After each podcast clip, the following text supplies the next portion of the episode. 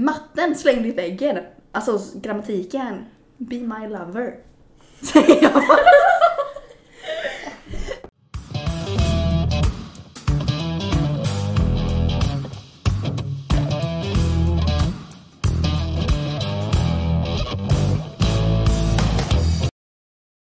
Ja men det är så typiskt oss, sitter du, solen skiner, det är 27 grader varmt ute och, vi vi, dricker sitter te. Eh, ska vi se. eh, Vad vi inte gör för den här podden. Det är 24, never mind. Okej, ja lite bättre. Men det är Mm. fortfarande varmt. Ja. Ah, ja. Nej, men... ehm, Hej och välkomna Ja. till Död eller levande, historia med Tea och Tea. Jag är Tea med H. Jag är Thea utan H. Ja. Och vi är tillbaka. We're back! Ni blir inte av med oss En så lätt. månad senare. Ja, det blev lite mycket där i början. En Tysklandsresa och sånt Ja. kom emellan Ja. och tentor. Precis. Ja. Omtentor också. Nej, men vi är tillbaka nu. Ja, och det ser ut som en bra sommar. Det blir Ja. många avsnitt förhoppningsvis. Precis, väldigt mycket tedrickande. Ja, det, det är jobbigt. Ja, alltså usch nej. Vi skulle också bara kunna skippa teet, men Nej men det är inte samma sak. nej, Nej, det är sant. det är teet som gör allting. Ja. Det, är, det är med namnet. Det är liksom... Vi, var- we were doomed from the start. Precis. Once again, we blame our parents. Ja. Nej men välkomna hit. Eh, idag är det min tur att leda avsnittet. Alltså jag är så taggad på att sitta och lyssna. Det ska bli så Det skönt. var väldigt, väldigt härligt faktiskt. Ehm, nej, och idag så vankas det revolution. Idag är det franska revolutionen som vi ska ta, gå igenom lite grann. Ehm, och jag tänker att, ja, eh, Instagram. Ja, Vi lägger upp saker där. det existerar. Precis. Vi finns där. Ja. Ehm, den ligger länkad i beskrivningen. Ja. Som vanligt. Ehm, men det är väl typ det. Ja, vi kör. Ska vi Skål! skåla? Skål, nu kör vi! Nu kör vi.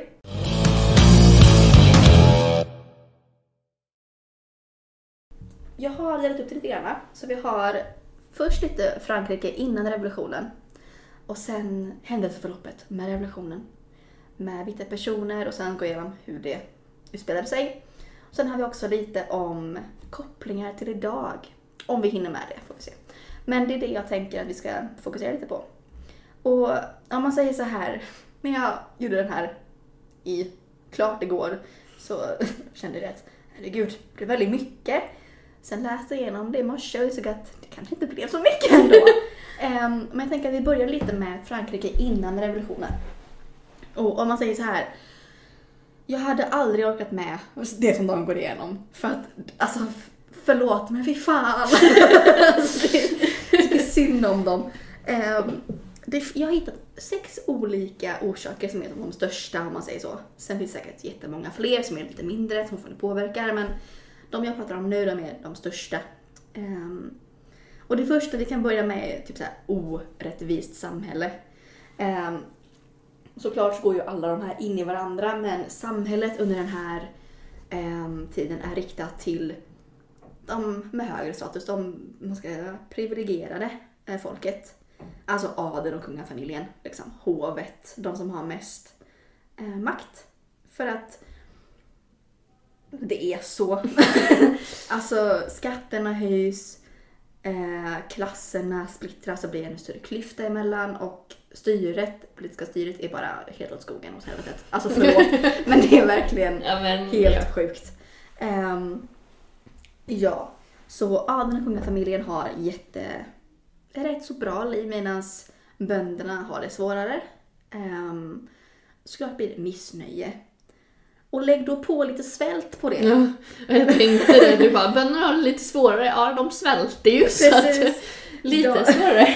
Skördarna har i flera år i rad blivit eh, förstörda på grund av hittade hagelstormar och ja, men dåligt väder. Eh, både torka men också liksom, översvämningar och liknande. Och det gör att landet svälter. Eh, det blir också dyrare att köpa mat för att det är brist och då har inte folk råd för det. Eh, och tänk då också eh, när kungafamiljen lever i lyx. Att man man ser det liksom att ja, men min familj klarar inte av vardagen medan kungafamiljen spenderar massa på fester och kläder och mat liksom. Eh, Det är också en av missnöjesorsakerna, det är kungafamiljen. Hur de lever. Ehm, och det är verkligen liksom, de lever i en överflödighet så att det skriker om det liksom. De, eh, ja men de har fester liksom jätteofta, de lägger mycket pengar på mat och militär och kläder och under den här tiden så är det också inbördeskriget i Amerika, eller USA. Ehm, och Frankrikes kung vill såklart stoppa England som eh, Amerika försöker frigöra sig från. Så han skickar också massa liksom, men pengar och soldater dit. Och en källa sa att det är 1,5 miljarder kronor som eh, lilla kungen här eh, från Frankrike ger bort. Och tänk den liksom, vad ska man säga, slaget i ansiktet för folket att här går vi och svälter och kungafamiljen har fester och ger bort pengar till Amerika. Det, ah, nej. Det är hemskt. Eh, och då för att kunna ha det här, eh, om man fortsätter leva så här så höjs ju skatterna och kungen tar stora lån för att kunna fortsätta eh, agera så här. Så det är ju verkligen liksom, alltså det, det är sjukt tycker jag.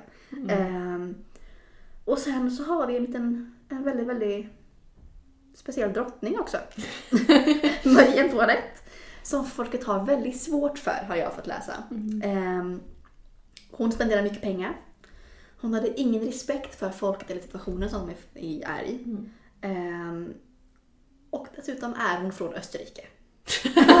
jag läste det, en av källorna sa det. Och dessutom är hon inte från Frankrike. Jag bara, nej men det är hon. Alltså hon blev ju ingift då ehm, för att kunna skapa någon form av typ fred slash allians Ja. mellan Frankrike och Österrike. Och folket tycker det här är fruktansvärt. För att hon har tydligen enligt källor, inte min åsikt, men enligt källor har hon ingen respekt för folket, för språket, för kulturen, ingenting. Och dessutom bygger hon massa stora byggnader och hon har stora spelskulder. Eh, hon lägger massa pengar på klänningar och på mat hon inte liksom behöver eller äter egentligen. Hon vill bara testa och det är jättemycket kring henne då. Um, och sen så har jag också läst att hon har väldigt stort, svårt och dåligt inflytande på hovet. Hennes liksom spralliga sida och hennes, ehm, ja men vad ska man säga, bad reputation smittar av sig på hovet. Som de gör som de vill helt plötsligt. Vilket gör att folket, återigen, slap in the face. Liksom. Ja. Ehm, nej, och sen den sista punkten då, det är att maktbalansen rubbas. Och för att förstå det här ska jag gå in lite på eh, Frankrikes regering vid den här tiden. För att det här är lite komplicerat. Eh, så regeringen är uppbyggd i tre olika stånd.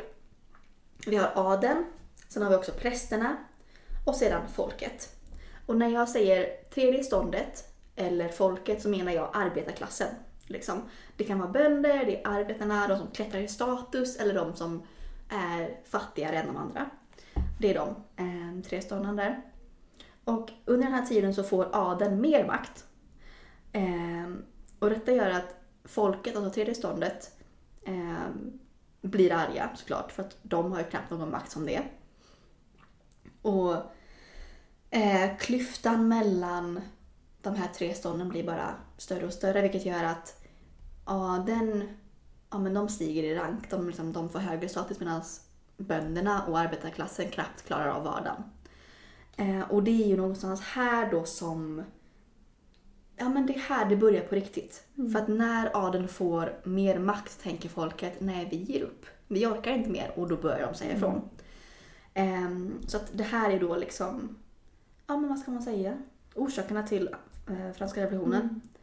Och Jag tänker en annan som man har blivit Ja. inpräntad sen högstadiet, det är också det här med upplysningsidéerna. precis. Eh, Och det märks också genom det här men vad som påverkar. Mm. Jag kommer ta upp det i mitt avsnitt Ja. nästa vecka. Men det här att, men upplysningsidén att Mm. man hade också det här början på Precis. att ja, men, Gud ska inte vara, Mm. religionen ska inte vara, utan det ska vara mer vetenskap och Mm. ska vi verkligen ha en kung och allas lika värde och sånt. Precis. Förutom kvinnorna då, men alltså vi räknas ju inte med där. myrsteg, typ. Om ens det. Mm. Nej, och det kommer jag in lite grann på sen också för att Eh, jag kommer komma in lite på upploppet sen, liksom händelseförloppet. Men det är just när det här, alltså när folket har fått nog så börjar man ifrågasätta alltså styrningen och så här, regeringen och speciellt kungafamiljen. Så här, vad har de egentligen för roll? Och varför ska vi ha kvar dem? Eh, speciellt nu då när adeln får mer makt, alltså ännu mer makt och speciellt när folket svälter på gatorna och kungafamiljen säger nej men så här, vi ska ge våra pengar till Amerika och stötta dem istället. Ja men ert folk svälter. Mm. Kanske ska prioritera lite här nu. Kung Ludvig. Eh, Ingen namn liksom. Precis. Eh, Nej men det tänker jag också, jag tänker, för det, det har man också, den här myten om låt dem äta tårta. Ja, precis.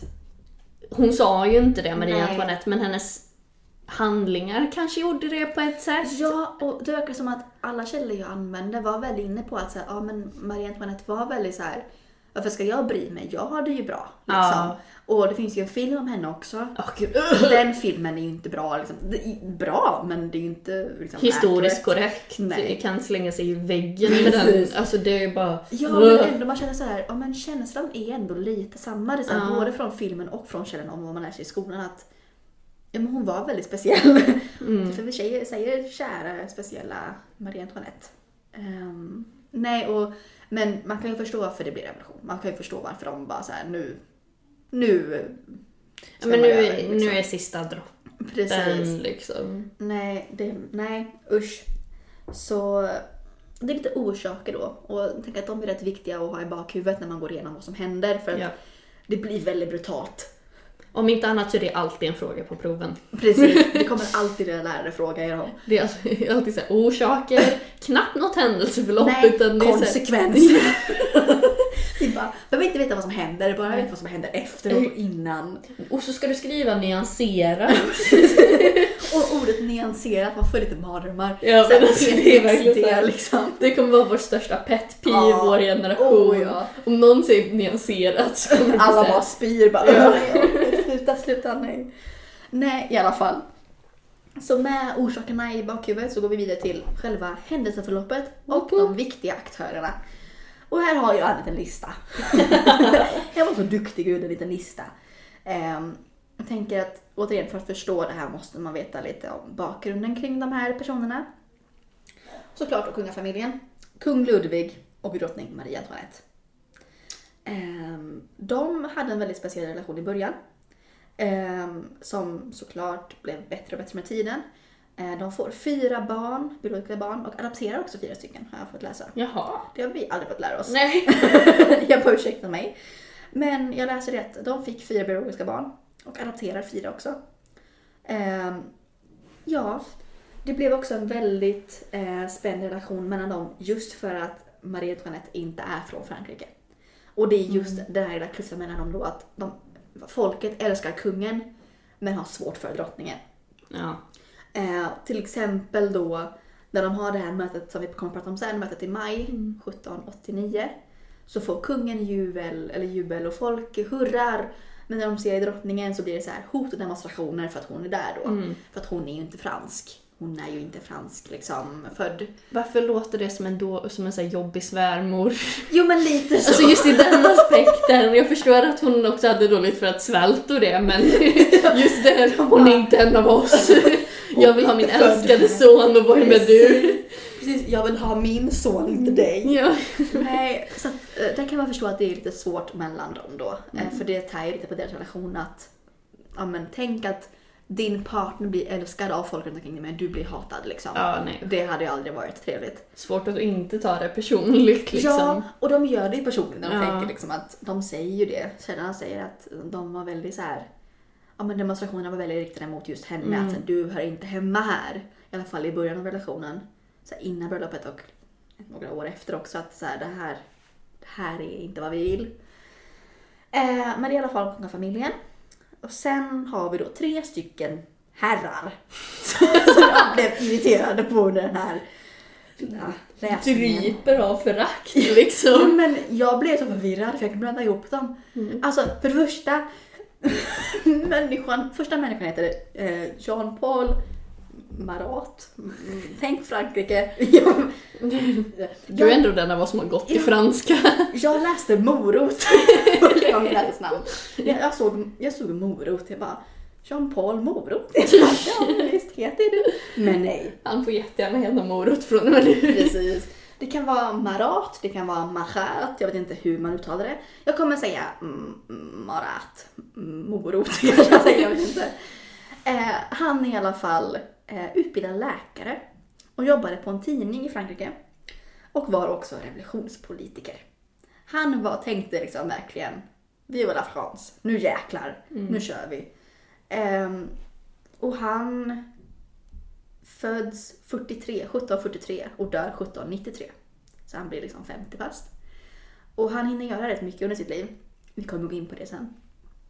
Sen har vi en till ehm, revolutionspolitiker som heter Maximilien de hmm, Robespierre. Jag kommer kalla honom Robban. Vi kommer få slut på Robban, vi kommer ha fröd av Robban i den här podden. För är så alla som hör det ljudet heter Robban. Jo men vi har Morot, vi har Robban och sen så har vi en till men honom kommer in på sen. Och han, Robban då, han är född 1758 och han dör 1794. Han är en väldigt duktig jurist och väldigt intresserad av polit- eh, politik och mm, han är också då revolutionspolitiker. Och han valdes in i eh, nationalförsamlingen 1789 eh, och blev en av de viktigaste personerna som, som finns både inom revolutionen men också inom församlingen. Och han styr ju väldigt mycket då. Och sen har vi då eh, mm, George Jorge, jag vet inte, jag är lite George eh, Jacques Danton. Förlåt om jag förolämpar någon nu. Jag tog två år franska på gymnasiet, det märks inte. Det var väldigt länge sedan. Ehm, han är också född, ehm, han är född 1759 och dör 1794. Och han är Frankrikes eh, justitieminister.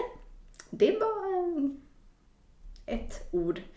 Revolutionspolitiker och också viktig inom revolutionen. Så de här tre kommer vi höra mycket om eh, senare. Jag ville bara nämna dem så att ni vet vilka det är. Och sen har vi då tredje ståndet, också kallat nationalförsamlingen i det här sammanhanget för att de bildar nationalförsamlingen i början av revolutionen nu. Eh, och detta är då franska folket. Eh, det var ju arbetarna, de fattiga och de som klättrade i status. Ehm, och de har väldigt lite makt den här tiden. Och sen så har vi två politiska, politiska grupper också. Och det är Alltså jag tänker bara på The Jacobites. Jag, jag kan det bara på engelska men de kallas på svenska eh, jakobiner. Och sen, eh, åh herre Jesus, girondister. Girondister? Ja, jag har ingen aning. Stavas med G. Ja. Eh, ni kan googla själva om ni inte vet vad. Och de här grupperna då har en liten beef med varandra i slutet av revolutionen. Eh, jag tänker att det kan vara bra att veta det i alla fall. Eh, och med det sagt tänker jag att vi börjar med revolutionen. Tepaus. ja, vi kör. I maj 1789 samlas eh, generalstäderna i Frankrikes riksdag för att diskutera och analysera situationen som finns i landet nu med svält och missnöje och allt sånt där. Här är också kungen med. Eh, och folket var då, både folket och riksdagen var missnöjd med enväldet från kungahuset. Och kungens svar på alla klagomål inte är jätteuppskattade för att det är liksom inte svarade med så här. Jag ser att ni är besvikna, punkt. Och sen gör han det mer liksom. Eh, och nu har då riksdagen fått nog. Ehm, och sen då det tredje folket, det tredje ståndet, alltså folket, ehm, har varit missnöjda med makten som jag nämnde innan. Ehm, och de blev inte ens inkallade i vissa saker utan de, är så här, de blir ignorerade i vissa sammanhang. Vilket gör att de lämnar riksdagen eh, i juni eh, 1789 och bildar nationalförsamlingen. Så att tredje ståndet är lika med nationalförsamlingen. Och jag kommer nu säga eh, nationalförsamlingen, men ni vet vilka jag menar då. Eh, För att det är lättare att hålla koll med att ha, ha ett namn för dem bara. Ehm, så de, Taylor de bara såhär well F you then! jo men Bye! Ja, jag känner att mitt jobb är klart här nu. eh, vi ses. Ja, Dock man förstår dem ju liksom. ja, ja, gud jag gör Har de, det. ja, men har de ingen makt, varför ska de ens vara kvar då liksom? Ja. Eh, så de eh, lämnar, bildar en egen liten församling. Och eh, de gör det väldigt tydligt vid, alltså vad de står för. De satsar till 100% på mänskliga rättigheter. Och eh, de har de här tre orden. Frihet, jämlikhet och brödraskap. Det känner man ju igen sedan innan. Um, och de avskaffar alla adelsprivilegier. De är så trötta på adeln att de bara nej, nu ska ni bort. Eh, så att det försvinner helt i samband med detta då.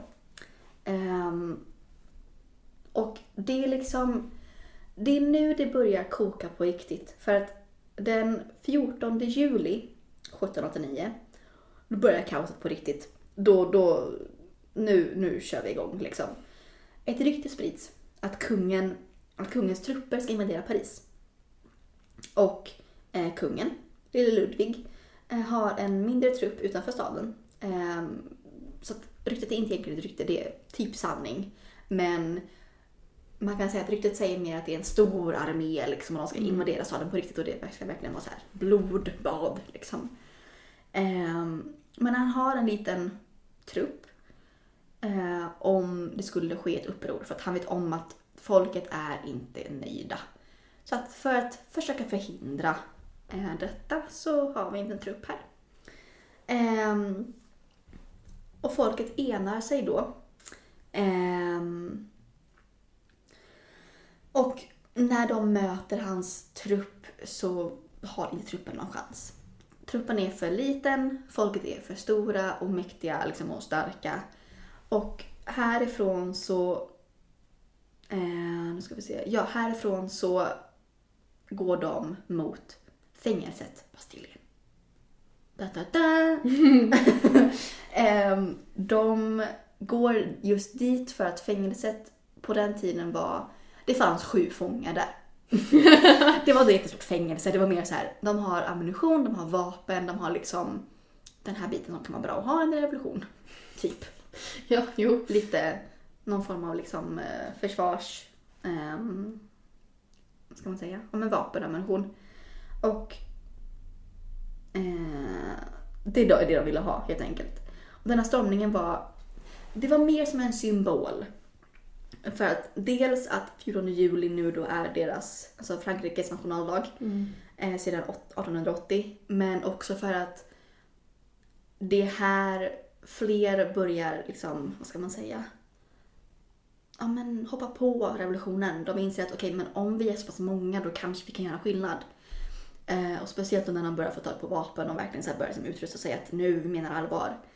Eh, så det är mer som en symbol. Sen, inte jättemycket händer egentligen. Alltså väldigt få dör i eh, det här, liksom, vad ska man säga, stormningen. Eh, men det var mer en symbol. Eh, och under den här tiden så har vi också en oktober, eh, eller ja, några månader senare har vi en oktobermarsch.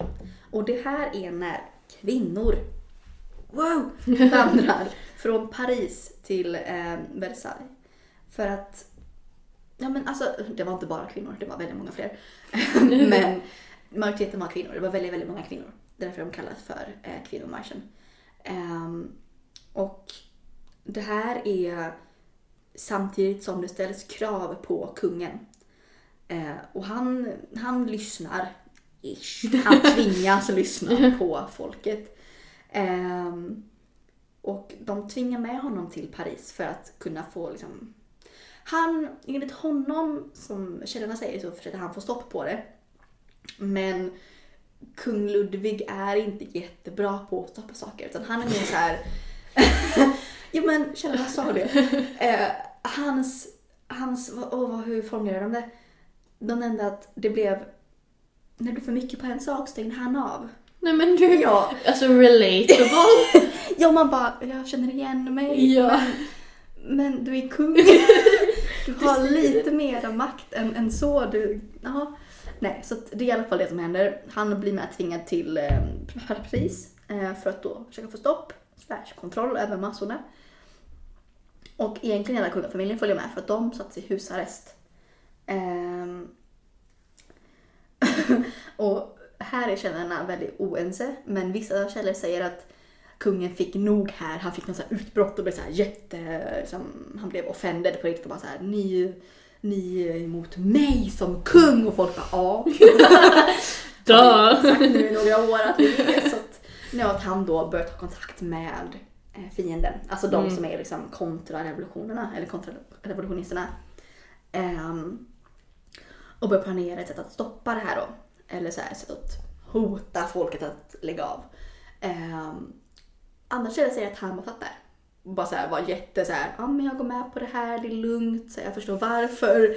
Så att de är lite oense. Liksom mellan apatisk och utbrott Precis. känns väldigt... Det är väldigt stor, liksom, en väldigt stor skillnad. Ja. Att det, ja, nej, så att, eh, olika tolkningar. Men eh, jag tycker att det låter väldigt kul att lille kungen står i. alltså de satt ju liksom inte i ett, i ett, så här, i ett fängelse, de satt liksom på något slott någonstans Ja. som jag kommer ihåg rätt. De var väl någonstans och de hade inte, de hade inte dåligt, de hade ju liksom fortfarande så här, de var ju fortfarande kungafamiljen. Så. Mm. Men att han har ett utbrott där och bara Ej! Jag känner mig mobbad! jag kan se honom stå där. Ja. Så- Som en liten Karen. Ja, precis. Ludvig är egentligen en Karen. Ja. Nej, eh, i alla fall.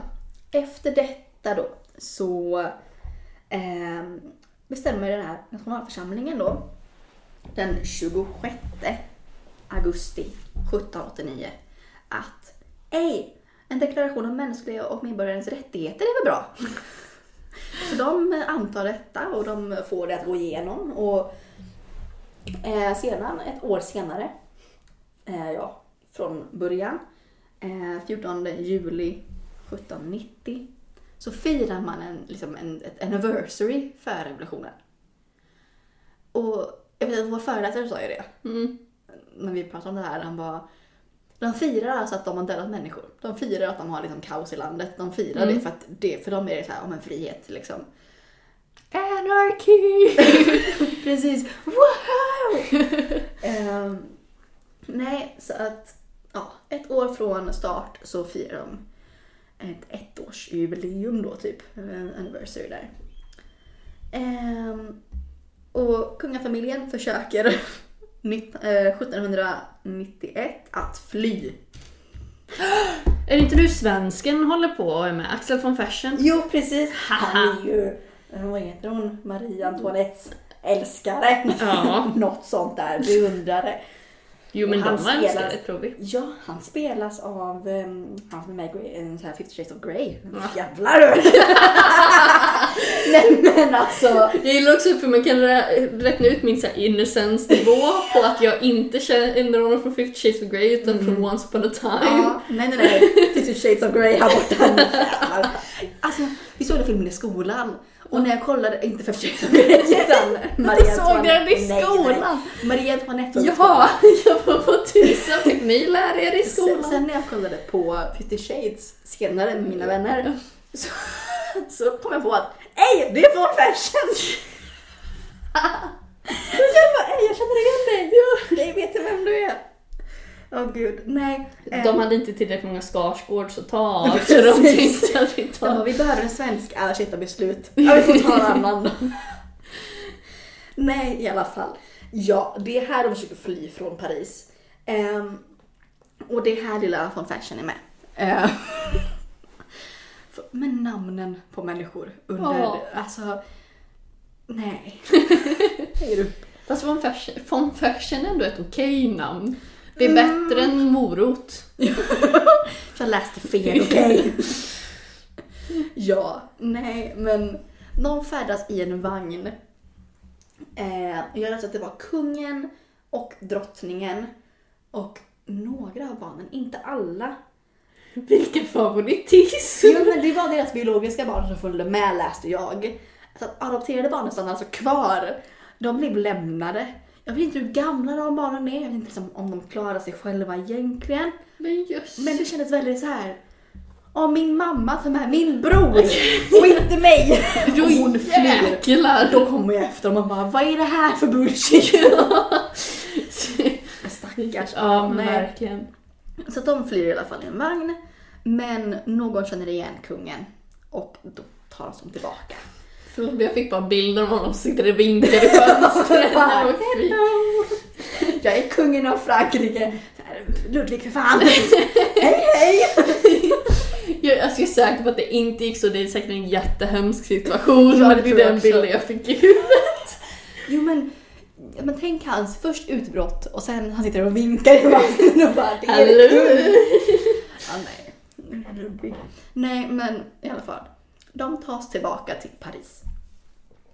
Ehm, och eh, efter att kungafamiljen är satt i husarrest igen, tillbaka till ruta ett, ehm, så börjar revolutionen gå åt skogen och åt helvetet. Det brukar gå så i historien. Precis, någonting går fel för att det är som att, alltså, jag har lä- både lärt mig i skolan och genom källorna att det är som att de tar det på en helt ny nivå nu. För att kungen försöker fly, de försöker ta sig därifrån. Det gör folk ännu argare. De bara, ska ni ta? Ska ni verkligen kunna fly från det ni har satt er i skiten liksom? Så här, det här är ert fel, vi ska inte gå någonstans liksom. Och då blir åsikterna och alltså, handlingarna väldigt mycket liksom Extremare. Ja, de går på djupet mycket, mycket mer. Ehm, De blir lite cray cray. ja, alla blir lite cray cray efter att kungen försöker fly. Mm. Det, ja. Eh, och nu blir det då alltså blodigare, hårdare och mer allvarligt. Ehm, ja, så att eh, 1791 så startade en seriös revolutionsgrupp i Frankrike som kallas för eh, girondister. Ja. Ja, nu kommer jag kalla dem, det är så jag uttalar det. Eh, girondister. Och detta är då en grupp som anser att så länge eh, kungen och kungafamiljen lever kommer Frankrike aldrig bli fritt.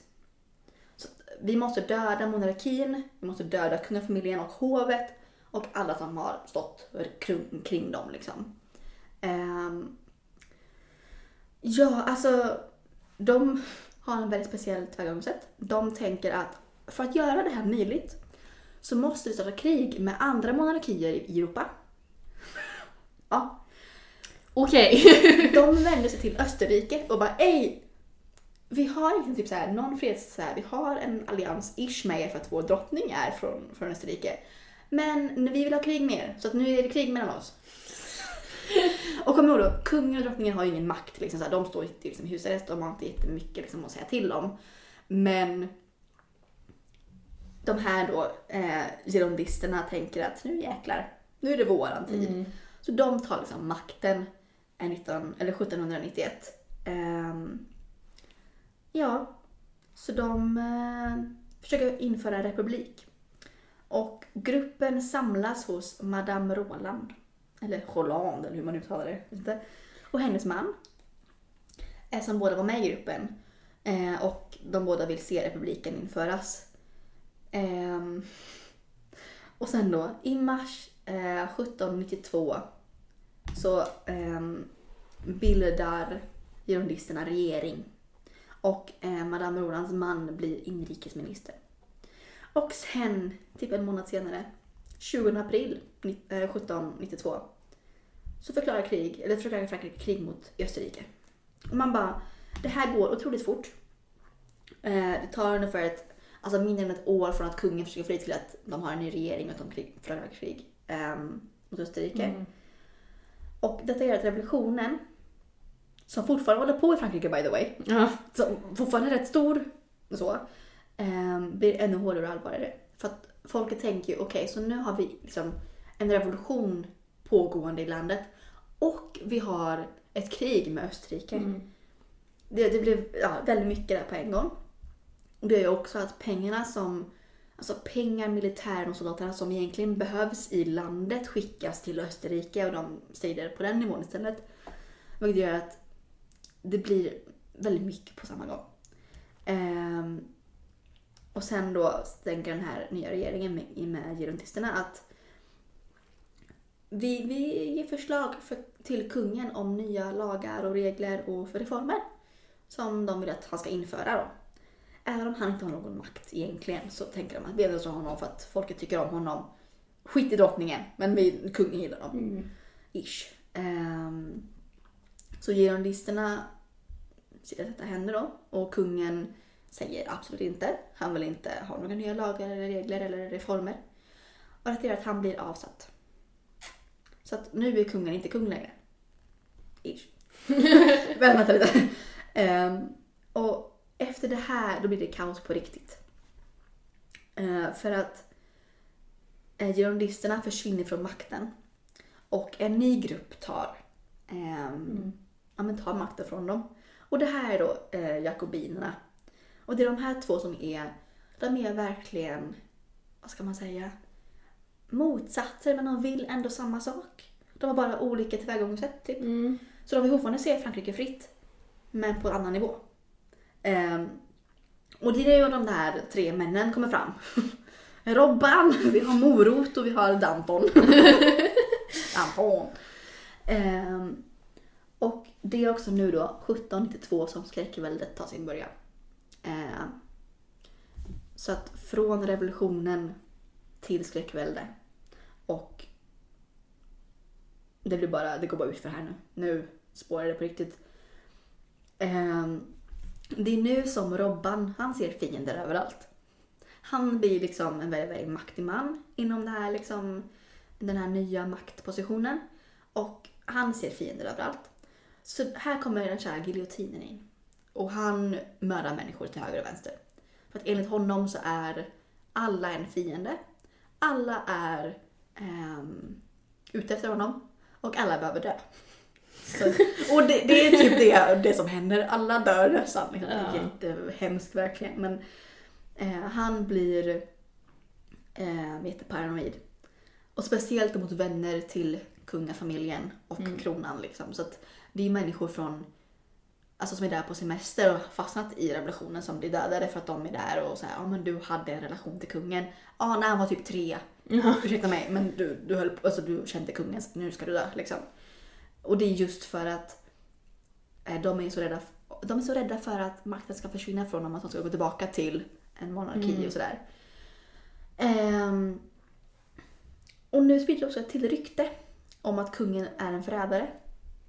Att han då har återigen haft kontakt med eh, kontrarevolutionister och att han försöker stoppa revolutionen och skräckväldet igen. Ehm, detta leder till att den 21 januari 19, nej, 1793 så avrättas kungen. Några månader senare så följer också drottningen och deras barn med. Men avrättar de barnen? Mm. De var ju liksom... Jag har glömt Ja. det. De avrättar alla barn. Så att, alltså, det står inte om deras adoptiva, alltså adoptions, eller så här, deras eh, Adopterade barn. adopterade barn. Men de biologiska, de blev avrättade också. Hur gamla var de? De var inte gamla vad jag vet. De var ju bara några år vissa av dem. men usch. Så de är, de är jätte, jättesmå. Ehm, ja, det är hemskt. Och det är liksom, då har det varit fyra år av revolution liksom. Mm. Då var det kungen och drottningen. Ehm, och tänk då att enligt, alltså alla källor säger att revolutionen håller på från 1789 till eh, 1799. Så vi har fortfarande sex år kvar av kaos liksom Mm. med det här när de dör. Ehm, och sen då, nu är kungafamiljen ur vägen. Och helt plötsligt så, så kan folk liksom, de kan andas ut igen, de här två politiska grupperna. Ehm, de blir så här, ja men nu är ju monark, alltså, nu är monarki död. Ja. Alltså monarken är död. Vad, vad, vad gör vi nu? vi fick typ som vi ville. Hur- Vi tänkte inte vi- så här långt. vårt mål var att döda kungen och nu när det är gjort så vet vi inte vad vi ska göra. Ehm, nej men Det visst. känns som gymnasiet med. Mitt mål var att... Ta student. Vad gör vi nu? Ja nej så att ehm, de båda grupperna ehm, tar en väldigt snäv sväng och börjar slåss om makten i landet. Nu börjar Mm. de nu när kungen är borta så börjar de slåss mot varandra. För att de hade ju en gemensam fiende från början. Mm. Men nu när den fienden är borta så blir det liksom krig eller vad man ska säga. Så här, konflikter, inre konflikter Ja. mellan dem. Så jakobinerna och eh, girondisterna, väldigt svåra namn. Ehm, slåss mot varandra och de är ju varandras motsatser. Men båda grupperna vill styra och air quotes, rädda landet. Så att, ehm, och det här då, glöm inte bort att vi fortfarande är krig mot, mot Österrike. Ja. Som också håller på att vända. Ja. I början går det inte jättebra. För att, ehm, revolution. ja. Men nu börjar revolutionen att landa lite hos folket. Nu är det Mm. mer grupperna som har den här liksom konflikten att hur ska vi göra? Vi, vi, fortfarande liksom så här, vi Mm. säger samma sak men hur ska vi gå tillväga? Och det gör att man kan fokusera lite mer på kriget i Österrike. Ehm, och det blir en dramatisk vändning. Det är Frankrike, det går rätt bra för dem. Ehm, och det är just för att girondisterna som nu inte har makten längre kan fokusera helt på kriget. Så att Ja. eh, när jakobinerna tar makten i Frankrike så blir det som att eh, girondinerna tar makten över kriget. Och det gör Mm. att de kan vinna över makten på, den, alltså på det sättet så här, "Ja, men Mm. vi räddar er från österrikarna. Liksom ja. rösta på oss eller vad man ska säga, liksom tro på oss.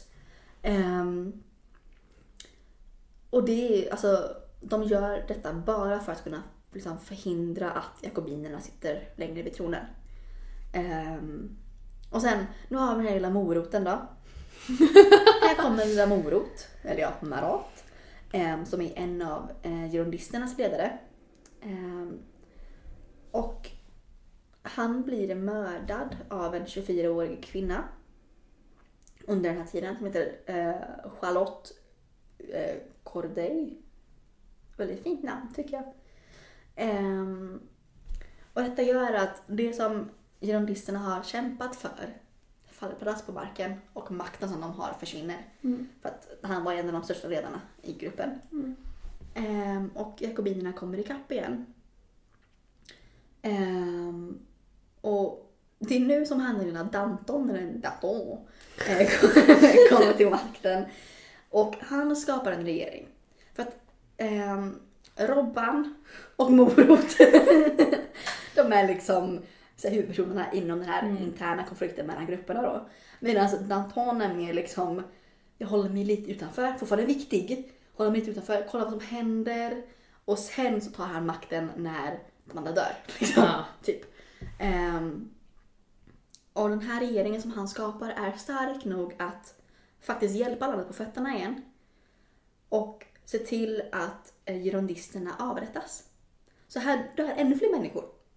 Så i början av april eh, 1794 så, inför, eh, så förs girondisterna för att protestera med, med eh, giljotinen. Och här är det också då Madame Roland och han, hennes Mm. man och alla som har hjälpt till. Liksom, alla blir avrättade. Ehm, och efter det här så tänker jag att revolutionen håller fortfarande på. Liksom. Det är bara 1794. Mm. Men då, höll, då började jag komma in på det som du ska prata om. Ja. Och då känner jag att då pausar jag här. Ja.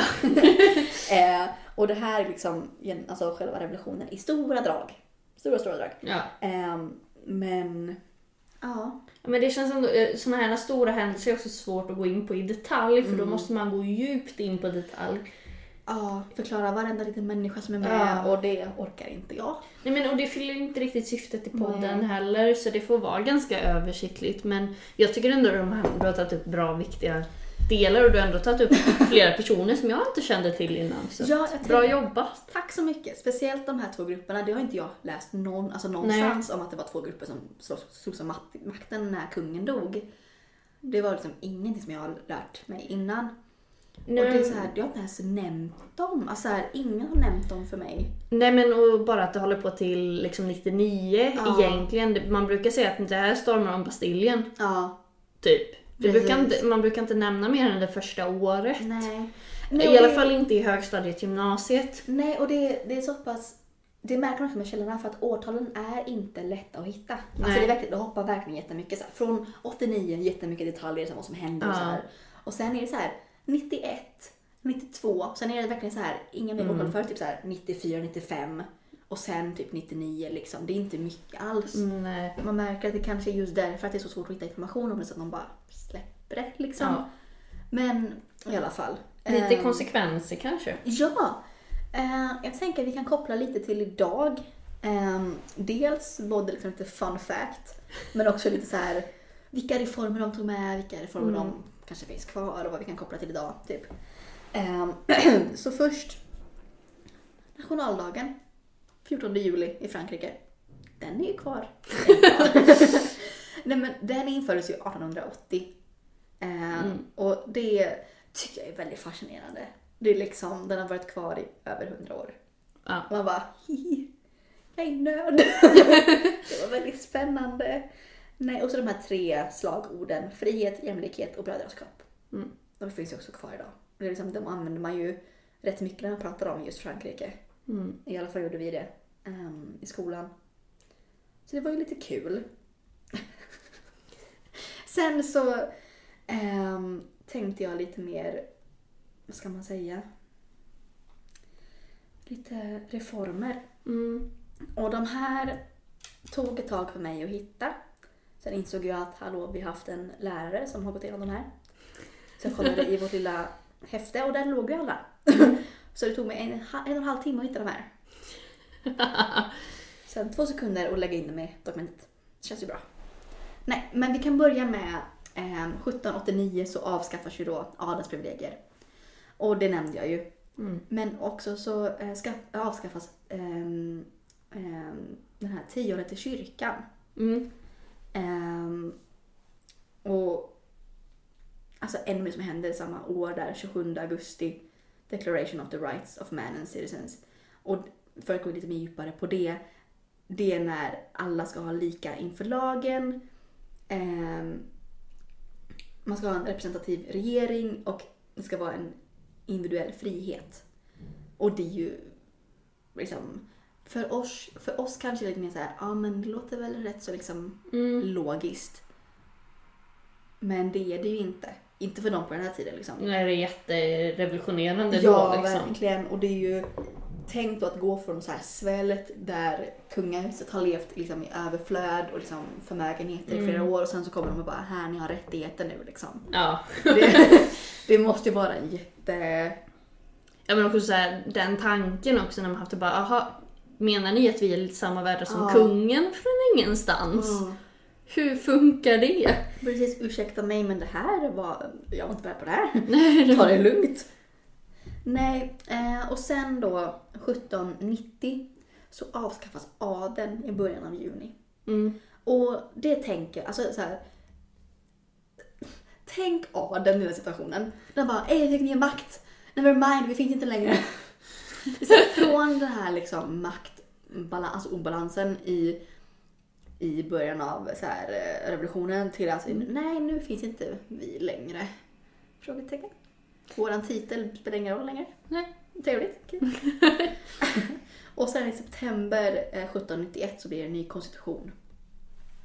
Och den här, den här är viktig. För här eh, legaliserar man skilsmässa. Man gav kvinnor så det är rätt att eh, ärva egendom och få ekonomiskt stöd från, men, ehm, från fäder till utom äktenskapliga barn. Det, hörni, det, tänk, Ja men, här får vi rättigheter. inte lika mycket men ändå något.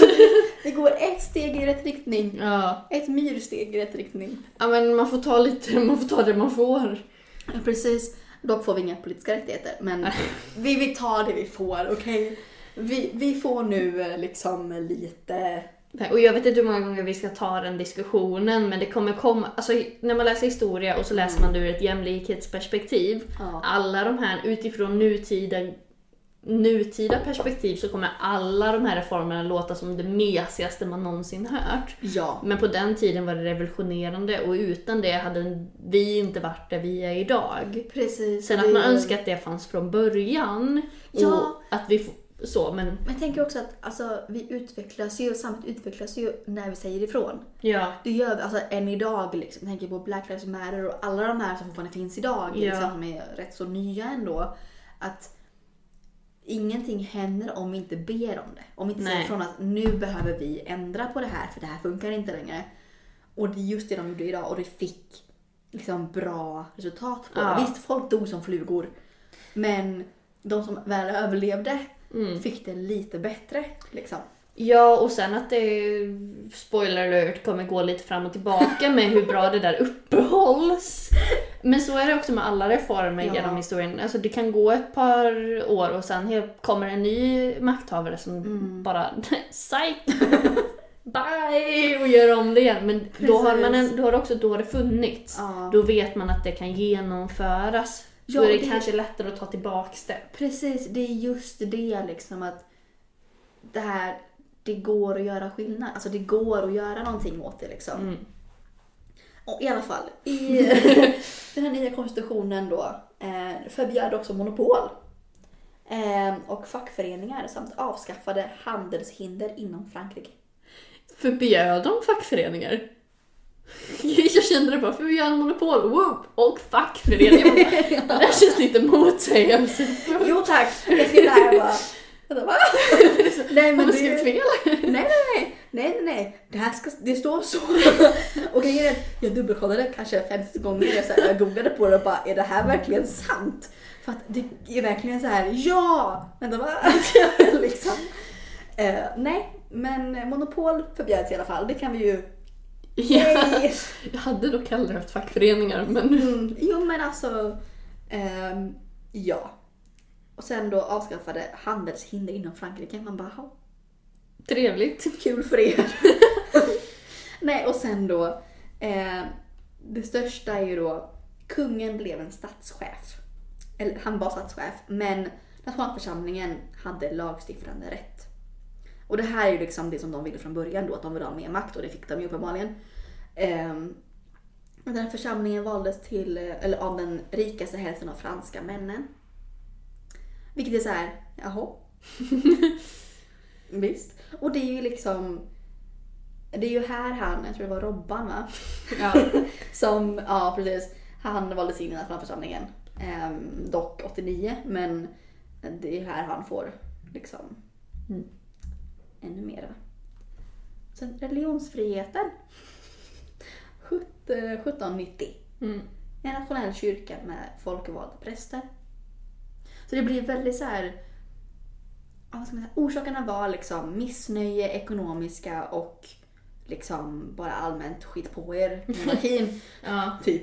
Ehm, och de får ju lite som de vill. Liksom. I Mm. alla fall de som verkligen var liksom, bort med monarkin. De dödar ju seriöst kungafamiljen. Ja. Men frågan är ju om det verkligen är så mycket bättre. ja. Liksom. Ehm, men jag tycker ändå att det blev... Vad ska man, hur ska man formulera det? Det blev någon form av bevis att människor kan påverka. Mm.